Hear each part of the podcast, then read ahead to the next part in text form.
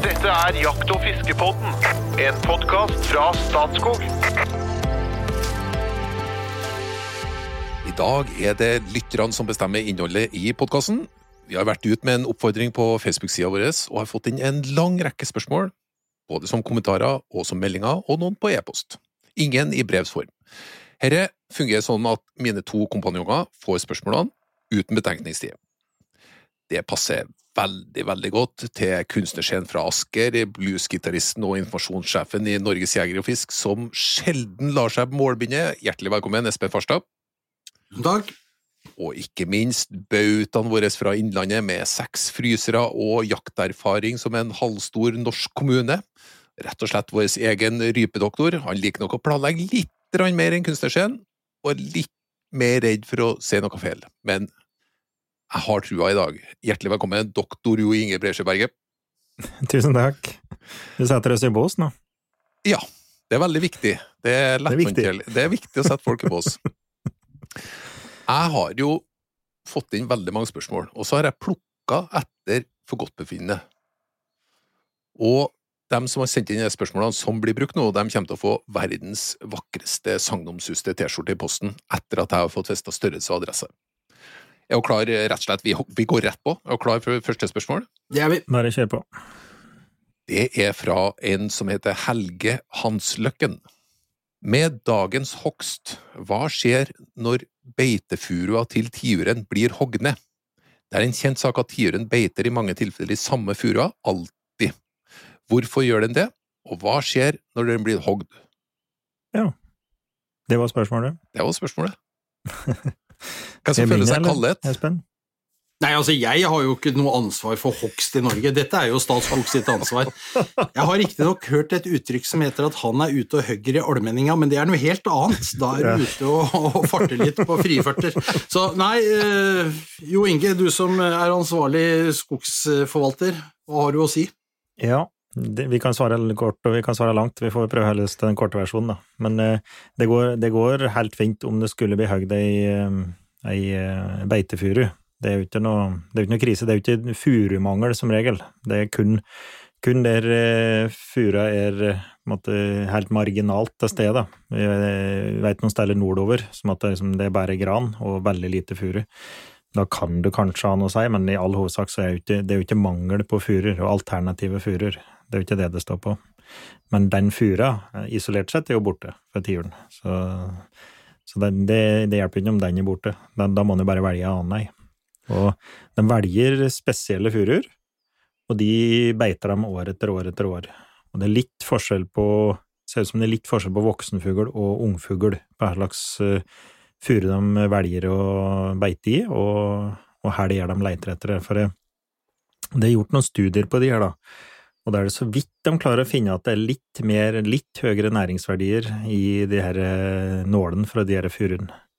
Og som regel så er det furuer som er skadet, enten de har en mekanisk skade, eller at det er lyneslag, eller toppen er brekt eller noe, så at du har satt i gang forsvarsmekanismen til treet, og har litt frodere, eh, frodere nåler da, enn en, et nabotre. Men det er helt marginalt, så det er fryktelig vanskelig å måle det.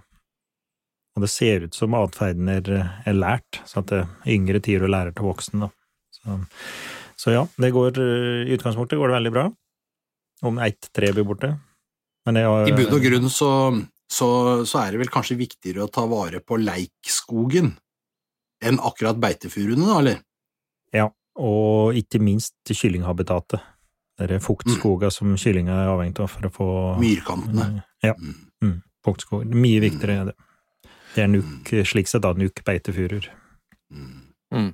Men det fins ikke noe finere enn å gå gjennom skogsfuglskauen, tiurskauen, komme over en liten høyde og kikke nedover og se at å dæven, over myra her, her er det beitefuru der og der og der. Nei, det er jo, det er jo glede i sjelen av å se dette. Ser du det? Jo, det ser du, for den er jo beita ned. Det er altså Ja. Toppen den er jo avrunda på toppen. Den er, du kan se at den fysisk er spist ned og tatt form etter det. Det er jo, det er jo furuas vesen, det, vet du, Trond Gunnar. Nå skal jeg fortelle deg litt om gran og furu her, som er interessant. Jo, men nå skal du høre. For det at furua, den former seg, vet du, mens grana gjør jo ikke det. Det sies at grana, den er stormsvak, men vindsterk, mens furua er omvendt.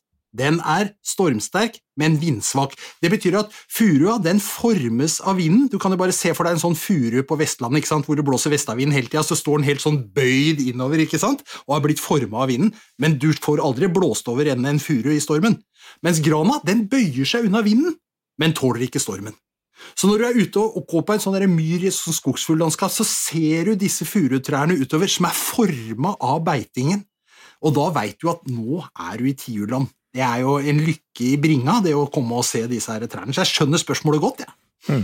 Har, du, har, du, sett det i legebeitefuru, så har du sett dem alle, holdt på så. Da, da kjenner du igjen dem, hvis du først har sett det her. Når vi var på jakt sammen, så viste de fram noen til beitefuru, og de er veldig karakteristiske. De beiter helt ut, og så ikke bare en liten grønn dusk i enda på, på greina.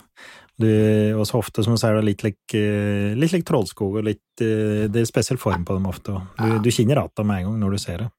Når du kommer over kanten og ser ei beitefuru, så er det sånn at den som har jakta litt, da begynner med en gang å tenke hm, toppjakt, hvor skulle jeg kommet inn her for best vinkel, og så videre, ikke sant? Mm. Ja, Nei, det er fint. For da er kontrollspørsmålet, det, det, det, er mange, det er mange som beter i samme furua. Det er ikke, det én fugl som har eh, domene i et uh, tre.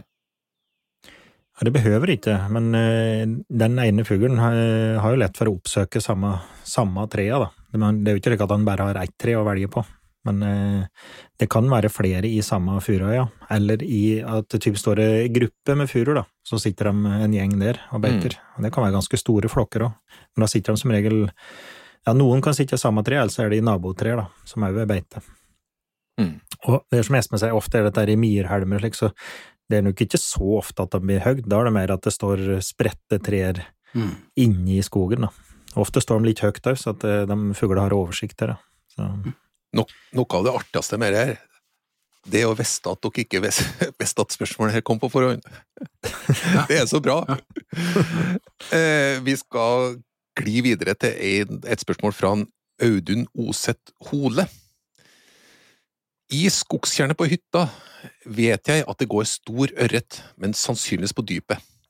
Hvordan få has på den nede i dypet? Eventuelt hvilke agn sluker kan være fordelaktig å bruke for å dra opp en rugg fra dypet. Jeg føler at vi sender den til deg, Espen. Ja, jeg skulle likt å vite hvor i landet dette var, jeg, men, men, jeg får ta utgangspunkt i det lille han sier, da. Et tjern. Eh, da ser jeg litt for meg litt sånn skogs... Eh, vi snakker liksom ikke tjern på fjellet på samme måten, så vi, vi tar utgangspunkt i at dette er et slags skogstjern. Eh, og at det er store ørreter der, det, den, det, må han jo da vite. Ofte så er skogstjern fulle av små fisk, men, men det mm. fins jo noen med store, det er riktig.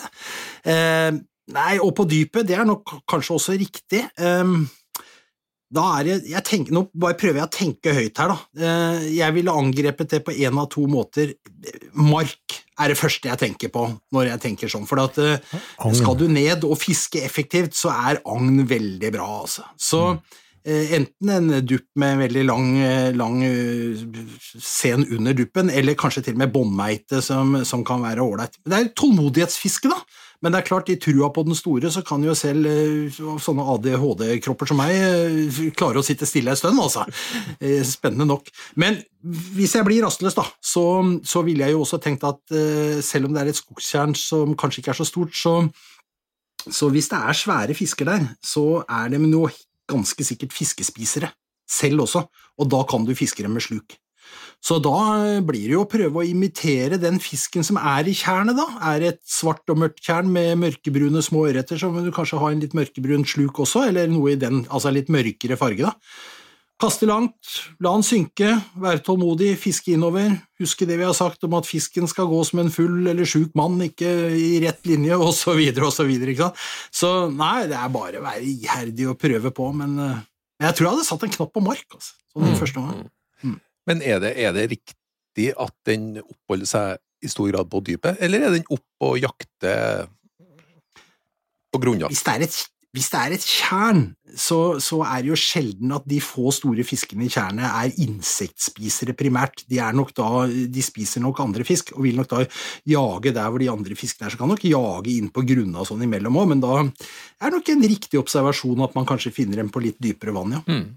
Så hvis det er lite kjenn, så er eh, både ørret og røye jo tilpasset å leve i litt kjøligere vann, og de blir jo fort varme, da. Hvis det er et grunt lite kjenn, så blir vannet fort varmt, og da er det kaldest på betten. Så det kan nok hende Nå er det ikke at de har oppsøkt det her, men det er jo stor sannsynlighet for at de er på dypere vann, ja. I Mm. hvert fall da det er varmt i været. Mm. Mm. Men det var agn, og så eventuelt wobbler, da, kanskje. Wobbler og og som går litt dypere. Det som er fordelen til Naudun, det er at neste gang han prøver, kan han stå med T-skjorta til Jakt- og fiskebåten. Og prøve å få tak i Klar fordel. Ja, det er det. Ja, klar fordel! Skremmer dem med fjærhånda. Så skal vi over på det som eh, ja Som opptar veldig mange norske jegere, eh, nemlig eh, elgjakt og utvikling i elgstammen. Men vi skal til et område som vi ikke så ofte er når det gjelder elg. Vi skal til Sørlandet. Og han, han eh, Eirik Magnus Skajå, han eh, har et spørsmål til deg, Jo Inge. Han lurer Ja. på om det finnes noen gode forklaringer på hvorfor ikke elgvekten på Sørlandet har gått opp siden 90-tallet. Fordi at eh, da, da ble elgstammen drastisk redusert, med sikte på en bedre kondisjon, da. Mm. Men den har vært lav siden 90-tallet. Han lurer på finnes det flere sammenhenger, finnes det flere forklaringer, er det skjev kjønnsbalanse, osv. Mm. Og, og jeg, det aner meg at vi kunne hatt en podkastserie for, for å ta svaret. Så hvis vi kan, og, vi, og jeg lover alle lytterne vi skal komme ordentlig tilbake til mer elg og elgstamme og elgkondisjon. Så hvis vi kan eh, vennligst holde oss litt oppå overflaten, så vi blir ferdig i dag. Ja. Kortversjonen er at eh, nei, det er ikke noen eh, det er ikke noen enkel forklaring på det. Og det andre var om det er, en, om det er flere forhold, og ja, det er helt åpenbart flere ting som, som spiller inn. Eh, Vi veit faktisk ikke hvorfor ikke vekten har tatt seg opp. Det, det har vi diskutert med de fremste elgforskere i landet, jeg gjør ikke det, da, men eh, jeg har diskutert med de fremste elgforskere, og de eh, har ingen, vi har ingen god forklaring på hvorfor ikke vekten har tatt seg opp, selv om det har redusert stammen så mye. Men også, så det er helt åpenbart at det er litt sammensatt, da. Stammen var for høy for lenge, det er en greie. Så sleit du ned beiten, og så er det på Sørlandet så er det jo altså det er jo frodige lier, og så er det mye blankskurt fjell og mye skrinnmark, og så er det frodig, og så er det skrint om hverandre. Og det beste beitet var helt nedkjørt, og så begynte du å redusere stammen for sent, liksom du kom over en terskel, og da var allerede vekten lave og, og mm, kraftig på, på nedtur, da. Og så elgen, den, den beiter i all hovedsak kvist og, og knopper og det. Det tar lang tid å få de beitene gode igjen. Og i tillegg så har vi avle, eller vi har jo skutt i stammen både tatt den veldig høyt opp og skutt den ned, og så avler vi kanskje på feil dyr, og vi har en del slike felgefeil, antageligvis. Så det er noen, det er ingen quick fix, det er ikke. Det er ikke noe lett å svare på den, vi kunne hatt en hel serie på det, men kort, kortsversjonen er at det er veldig sammensatt, og at det er flere årsaker, og det er ikke noen enkel løsning, nei. Men, men jeg lurer på en ting der, jeg må spørre Jo Ingen. for at det, vi, beitene er beita ned, liksom, og, og det, det er ikke nok mat. Liksom, det, har sånn, det har vi hørt mye om. Men så vet vi også at um, elgens favorittføde det er jo disse rosartene som vi kaller det, altså rogn, osp, selje. Mhm. Og alle som har et lite hagestykke på mer enn 100 kvadratmeter, vet jo at dette er jo, grenser jo til eh, ugress i hagen. Dette spruter jo bokstavelig talt opp av bakken på en normal sommer. Hvor lang tid kan det ta for Sørlandet å få tilbake dette elgbeitet som består av kvist som vokser med meter i, i sesongen? Nei, nei, men det er problemet at det, det er akkurat de artene ikke kommer tilbake, da. Så det som gjør at det er eh, furu, bjørk og eik ofte, altså noen av dere halvøya, men uh, Mm. det rekruttet, kruttet, det er borte, det er nedbeite, og det kommer ikke igjen. Og i den grad det kommer igjen, så blir det beite først, da. Til alt andre. Det er det som blir tatt aller først. Mm. Det at de kommer i hager slik, er jo at eh, elgen ikke kommer til, da. Men eh, hvis du går ut i skoga, så slik som jeg hos meg, du finner ingen, finner ingen av de rosartene som er over snøhøgden eller under 2,5 meter. Altså, nei, altså fra 2,5 meter opp så finner du noen, men mellom Mm. der og snøhøgden så finner du ingenting. Alt Mm. er borte. Mm. Og det, det tar tid altså, å få det opp. Da må du rett og slett ta bort elgen, antageligvis. For det er de første som blir tatt av når de kommer tilbake, eller hvis du gjerder inn, så vil du se hva fæl påvirkning det får. Og Det er jo gjort forsøk på liksom, du gjerder inn et område, og så ser du hvor mye det vokser på innsiden der. Det er som du sier, da vil du se det. Det spruter opp, og det, det er jo helt vilt. Det blir rene jungelen på innsiden av gjerdet, så på utsiden så er det bare helt barbert. Mm. Så den, den påvirker nok landskapet mye mer enn det eh, vi tror, da. Eller mange tror. Det er den. Så det er ingen, ingen enkel sak, nei. Og det er klart det er mange blir utålmodige. Når man skutt ned stammen, har veldig lite elg, og så måtte innfunne seg med at de er små og, litt stusslige, da. Og kanskje syns det er greit at du har det du har. Men, eh, men det er jo ikke bra. Det er kalvevekter som ligger i snitt på rundt 50 kilo. Det er ganske, det ganske stusslig. Ja. Mm. Nei, veldig bra. Det var en Erik Magnus som hadde spørsmål. Eh, Elg kommer vi som sagt eh, enda mer tilbake til. Eh, Ei som heter Frida Flogo, hun har sendt mange spørsmål. Og jeg eh, tar meg den frihet at jeg skal ta ut noe av det. Det ene spørsmålet er som følger. Jeg er genuint opptatt av fluefiske og fluebinding. I noen elver finnes det fluefiskesoner. Hvordan har det påvirket fisken? Eh, både på kort og lang sikt. Og så skal jeg ta med fluefiskesoner oppfattes av noen som ekskluderende. Hva tenker dere om det? Kunne det fungert bedre om man hadde bare satt krav til krok, enkel, barbless, som jeg ikke vet hva er, og håndtering av fisk, catch and release? Jeg foreslår at du starter, Espen. Barbless betyr mottakerfri. Altså hvis du, En vanlig fiskekrok har en liten mottaker for at den skal sitte. Hvis uh, mye av hensikten med fiske er å fiske og sette tilbake fisk, så tar man bort dette. så Det er et krav i mange fluefiskesoner, f.eks., hvor man prøver å regulere fiske gjennom fiskereglene. Eh, det er et veldig godt og spennende, godt og spennende innfallsvinkel til noen spørsmål, dette her. fordi at eh, det med fluefiskesoner er jo relativt ny dato, selv om vi finner noen steder hvor det har vært fluefiskesoner i mange år. La meg nevne f.eks. Galtstrømmen i Rendalen. Eh, ikke Rendalen, men i Engerdal, unnskyld. Eh, Engerdal statsallmenning, hvor det har alltid vært en fluefiskesone forbeholdt fluefiskerne. Eh, det har jo bredd om seg etter hvert. Ofte vært litt sånn kommersielt drevet, disse fluefiskesonene. Hemsedal var tidlig ute eh, og lagde fluefiskesone i store deler av Hemsila.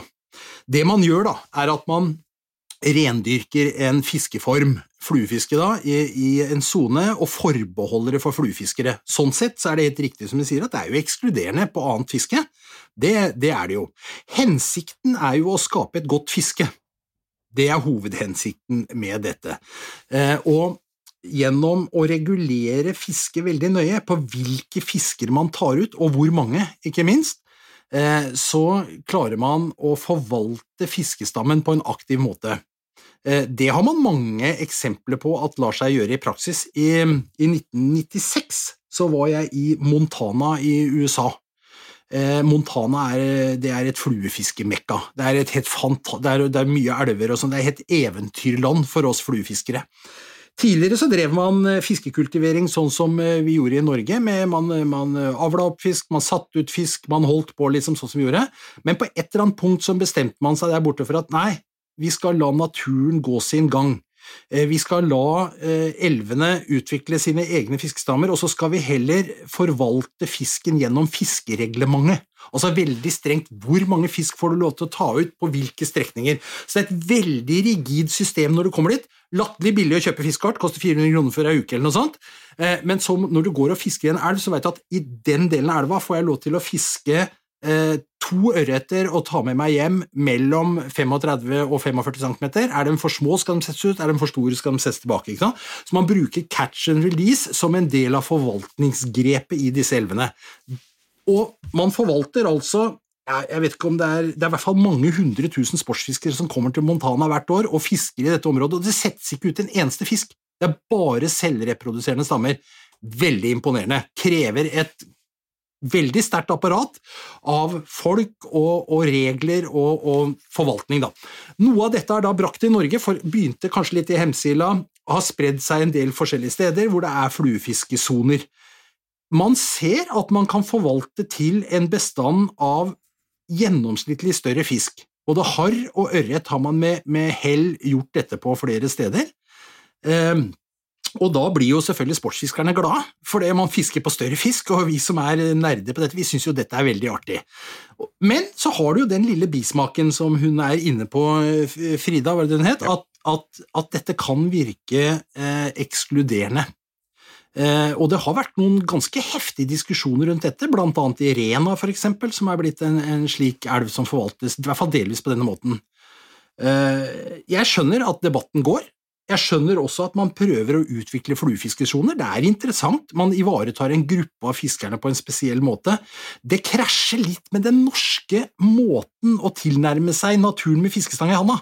Det skal nemlig være åpent for alle overalt alltid. ikke sant? Det er på en måte utgangspunktet av det vi er vant til. Eh, så det gir noen utfordringer. Det er plusser og det er minuser. Det er en spennende debatt. Det er det jeg har lyst til å si. Et oppfølgingsspørsmål eh, fra Frida. Ikke, ikke, på det, ikke, på det, samme, men det er et oppfølgingsspørsmål fra en tidligere episode. For øh, sjøørretfiske med flue på våren er noe som står hennes hjerte nært. Eh, og i år så mista hun litt motivasjon, for at hun hørte på NRK P2 eh, sin episode av Ekko, der man snakka om fraværet av kysttorsken. Og I en tidligere episode så eh, ser vi at Espen har sagt det er et varsko om at fjorden er en slags økologisk kollaps. Mm. Og det hun antyder her, er at hvis det er riktig at det er en økologisk kollaps, er da kanskje sjøørretbestanden i fare, sånn at man bør dempe fisket på sjøørret? Eller er det tvert mot en veldig robust bestand? Frida, jeg Det var veldig hyggelig å høre at du, tar eh, mine signaler på alvor. Eh, for jeg mener virkelig Jeg har akkurat kommet hjem etter en påskeferie eh, på en uke i Oslofjorden og er litt trist i sinns. Det er altså ikke en torsk å se, det er nesten ikke blåskjell, det er en økologisk kollaps i den fjorden, og det er ikke bra. Det ødelegger mye av gleden ved å være ved fjorden. Men sjøørretbestandene kan faktisk ikke skjæres over samme kam, går an å si det sånn? Altså, Sjøørretbestandene er, er, eh, gode øh, i Øst- og Sør-Norge. Og det skyldes at vi kan forvalte den stammen litt annerledes. Vi har litt mer kontroll på en sjøørret. Den er oppe og gyter i bekken. Hvis vi sørger for å ivareta bekken, så skaper vi en god produksjon av sjøørret. Og dette er en veldig takknemlig fisk å jobbe med. Hvis du går i bekken og gjør de riktige tiltakene på våren, så vil det allerede samme høst sprute med sjøørret i den bekken som skal opp for å gyte. Og dette kaster av seg. Så det er absolutt livskraftige bestander av sjøørret nå sier jeg i Øst-Norge, for det er en helt annen situasjon på Vestlandet, men i Øst-Norge og Sør-Norge så er, trenger du ikke ha dårlig samvittighet for å være ute og fiske sjøørret. Når det er sagt, så er det klart at fisker vi ikke torsk, fisker vi ikke lyr og sei og det som vi pleier å gjøre, og alle går over til å fiske sjøørret, så kan vi jo fort overbeskatte den bestanden også. Så kanskje litt sånn forsiktig måtehold fra oss fiskerne i forhold til hvilke fisker vi tar opp og tar med oss hjem osv., kan være på sin plass her. Og så kan vi diskutere i en annen episode om vi burde hatt 40 cm minstemål, og skulle vi hatt maksmål, og skulle vi hatt fredning fram til 1. april, sånn som svenskene, osv., osv. Mange tiltak. Men Frida, kom til Oslofjorden eller lenger sydover og ta med deg fluestanga eller fiskestanga di, og fisk sjøørret med god samvittighet. Det, det, skal du få lov til. Veldig bra. Eh, men jeg må spørre, siden du antydet at Vestlandet det var en helt annen sak, og eventuelt lenger nord. Hva la du i det? Er det dårligere? Nei, det, der er jo sjøørretbestandene eh, definert som svake og truede. Eh, det er forbudt å fiske sjøørret i sjøen eh, på denne tiden av året fra Rogaland og til og med Nord-Trøndelag. Og i Nordland er det forbudt å dorge etter den fra båt.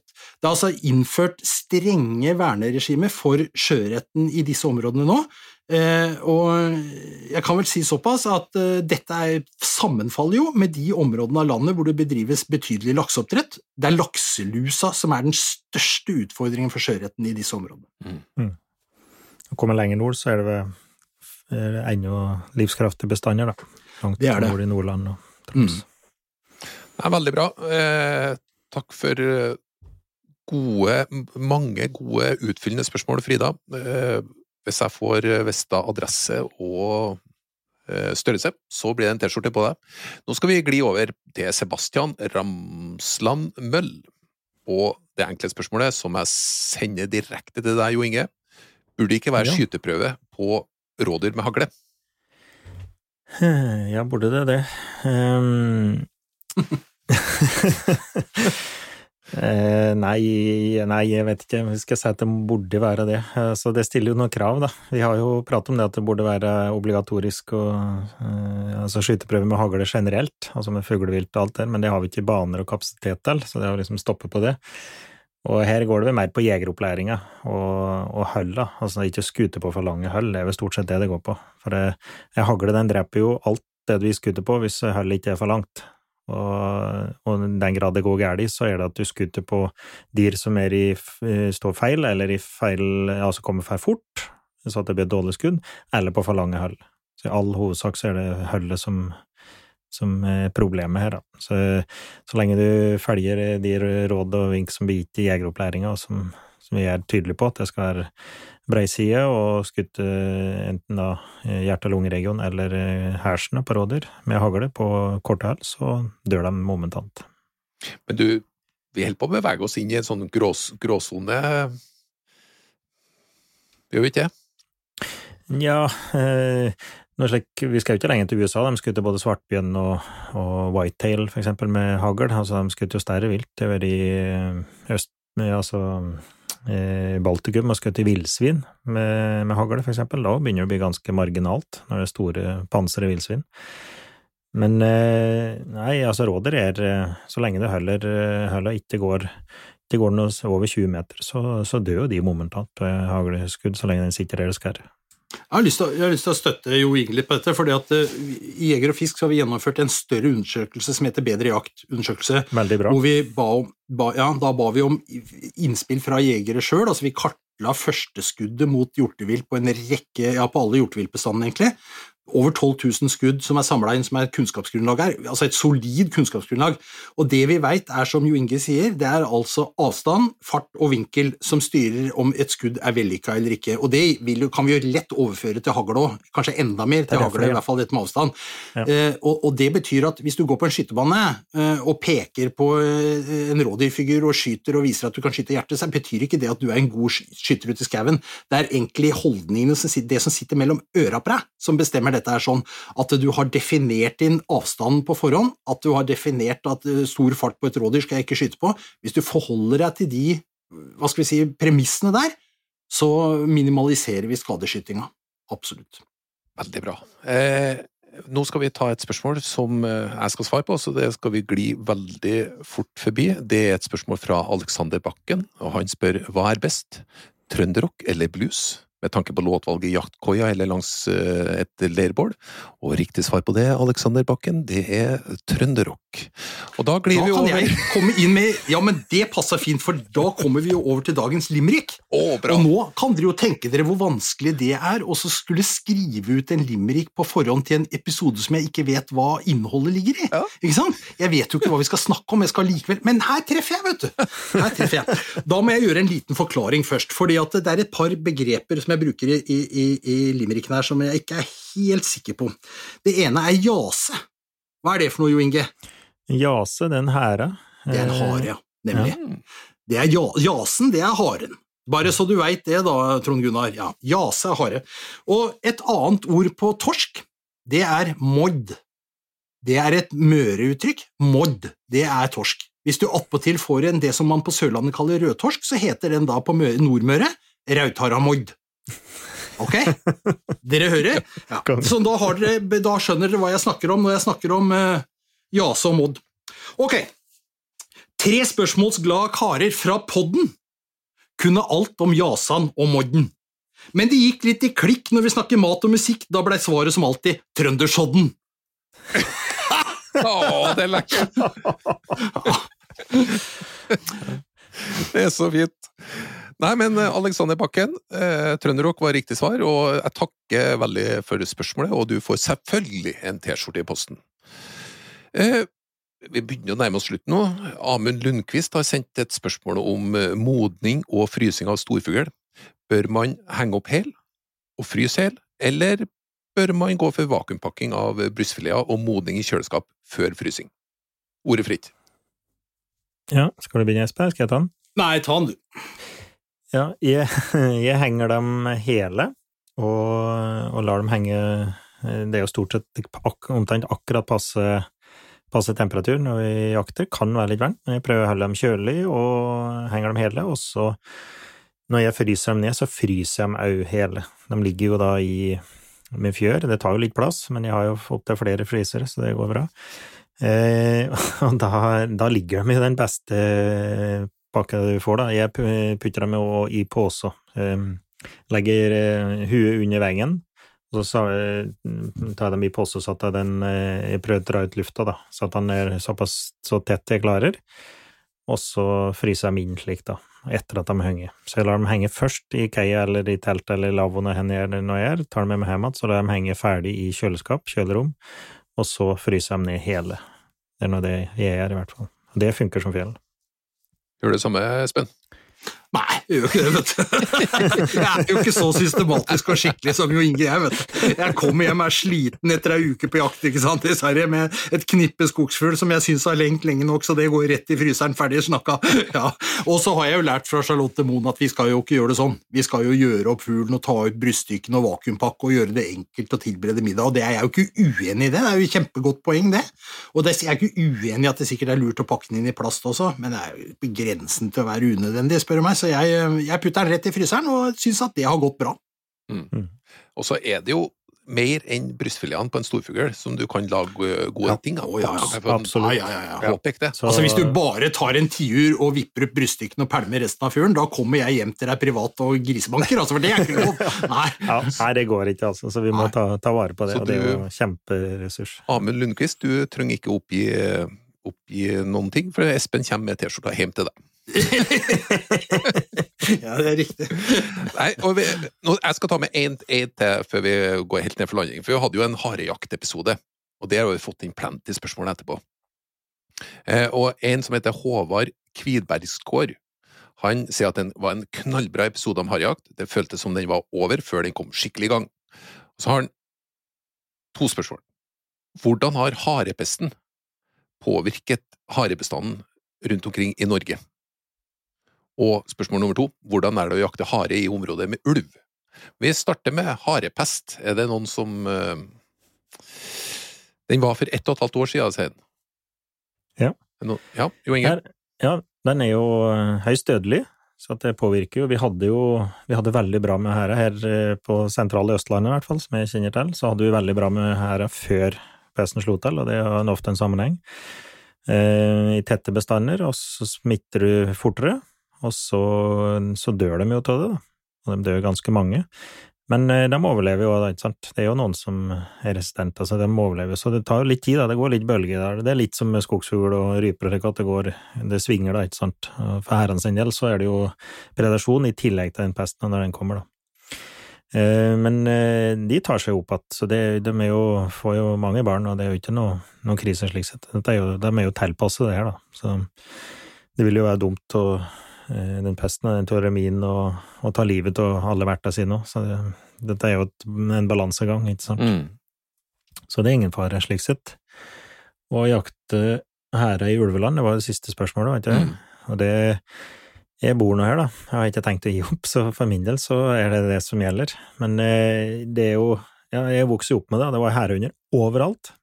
Alle stand på Finnskogen så var det hærehunder, og etter det, det fast etablerte ulvereviret så er det ganske sjeldent å se hærehunder.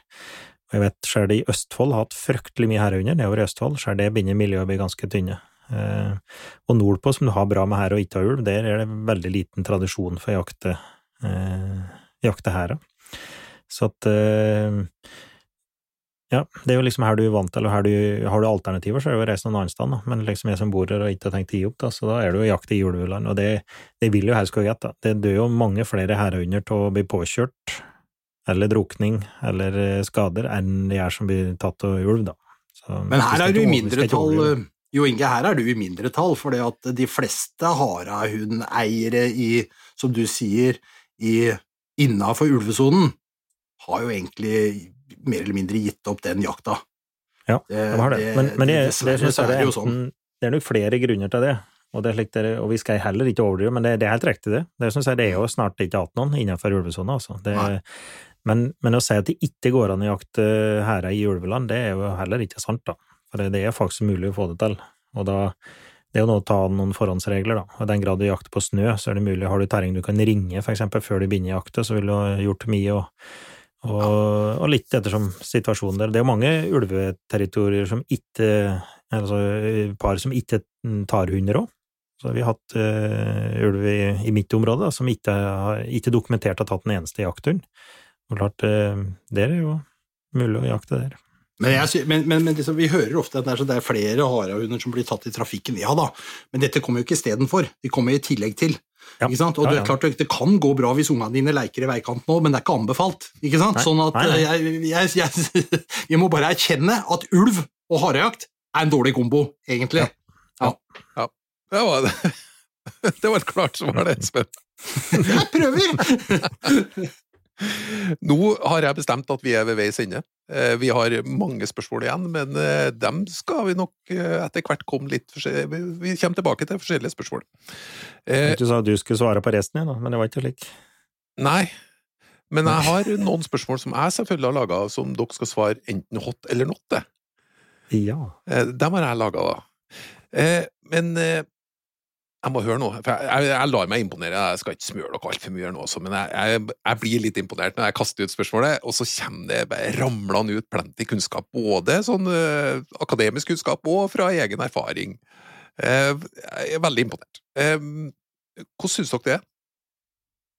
Det er morsomt. Det er, det er morsomt å bli utfordra på direkten, og det, ja. Ja, det er bra. Ja. Det var kjempeålreit. Ja. Du holder oss unge, som du ser. Ja, ja. det er bra. Kjære lytter, jeg håper du syns det var artig å være med på forskjellige uh, områder innenfor jakt og fiske. Vi kommer til å kjøre flere lytterepisoder, og vi har en del lytterspørsmål nå, men vi tar gjerne imot flere. Dem tar vi imot på e-post eller på Messenger, og vi kommer til å legge ut både på Instagram og Facebook-sidene når vi ønsker flere spørsmål inn. Før vi går helt ut, så vil jeg oppfordre dere til å dele ting på sosiale medier, og verve flere lyttere. Da blir vi så fornøyd når vi ser at uh, lytterskaren bare vokser og vokser. Stadig mer inspirert. Før vi går helt ut, er dere klar for hot or not? Ja. ja visst. Pommes frites. Hot or not? Hot. Hot. Hot på begge to. McDonald's. Hot or not? Not. Not. Toyota Hilux. Hot or not? Hot. Hot. Jeg er enig ikke. Burger King, hot or not? Not. Not. Havregrøt, hot or not? Hot. hot. Nei, men søkke, da. Uh, det her er jo ikke uenig. Uh, jaktfri i jula, hot or not? Not. not. Mårfangst, hot or not? Hot. hot. Ja, da, det, da var ikke enig på alt, da. Og for siste, bare ta med den da. låta 'Jeg er en tviler' på albumet eh, til Thomas Brøndbo. Du sa jeg var en drøm. Hot or not? Hot. not. Det var hot på begge to helt til slutt. Hjertelig takk for følget, og velkommen tilbake neste fredag.